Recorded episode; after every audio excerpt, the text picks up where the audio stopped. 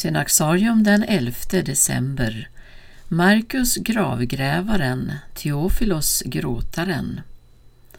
Marcus gravgrävaren, Teofilos gråtaren och dennes bror Johannes finns omnämnda i en krönika från Kiev på 1000-talet.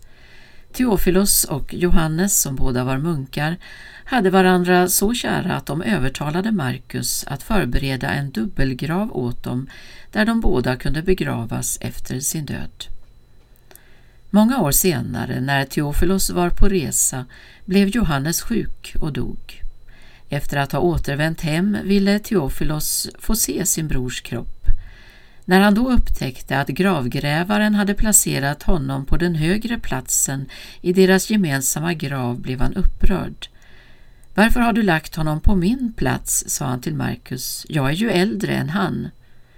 Markus bad om förlåtelse och vände sig sedan mot den döde och sa Flytta dig till den andra platsen där du nu ligger ska din bror ligga.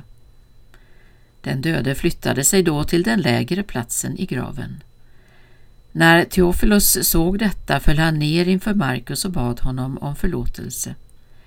Markus gravgrävaren förmanade honom att tänka på sin egen frälsning eftersom han snart skulle förenas med sin bror i deras gemensamma grav.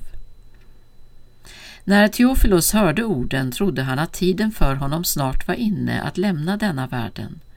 Han gav bort allt han ägde utom en mantel och väntade dagligen på sin dödsstund.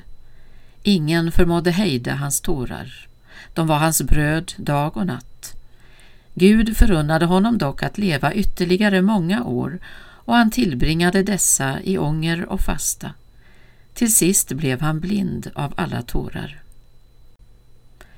När Markus förstod att hans död närmade sig berättade han för Teofilos att han snart skulle lämna världen.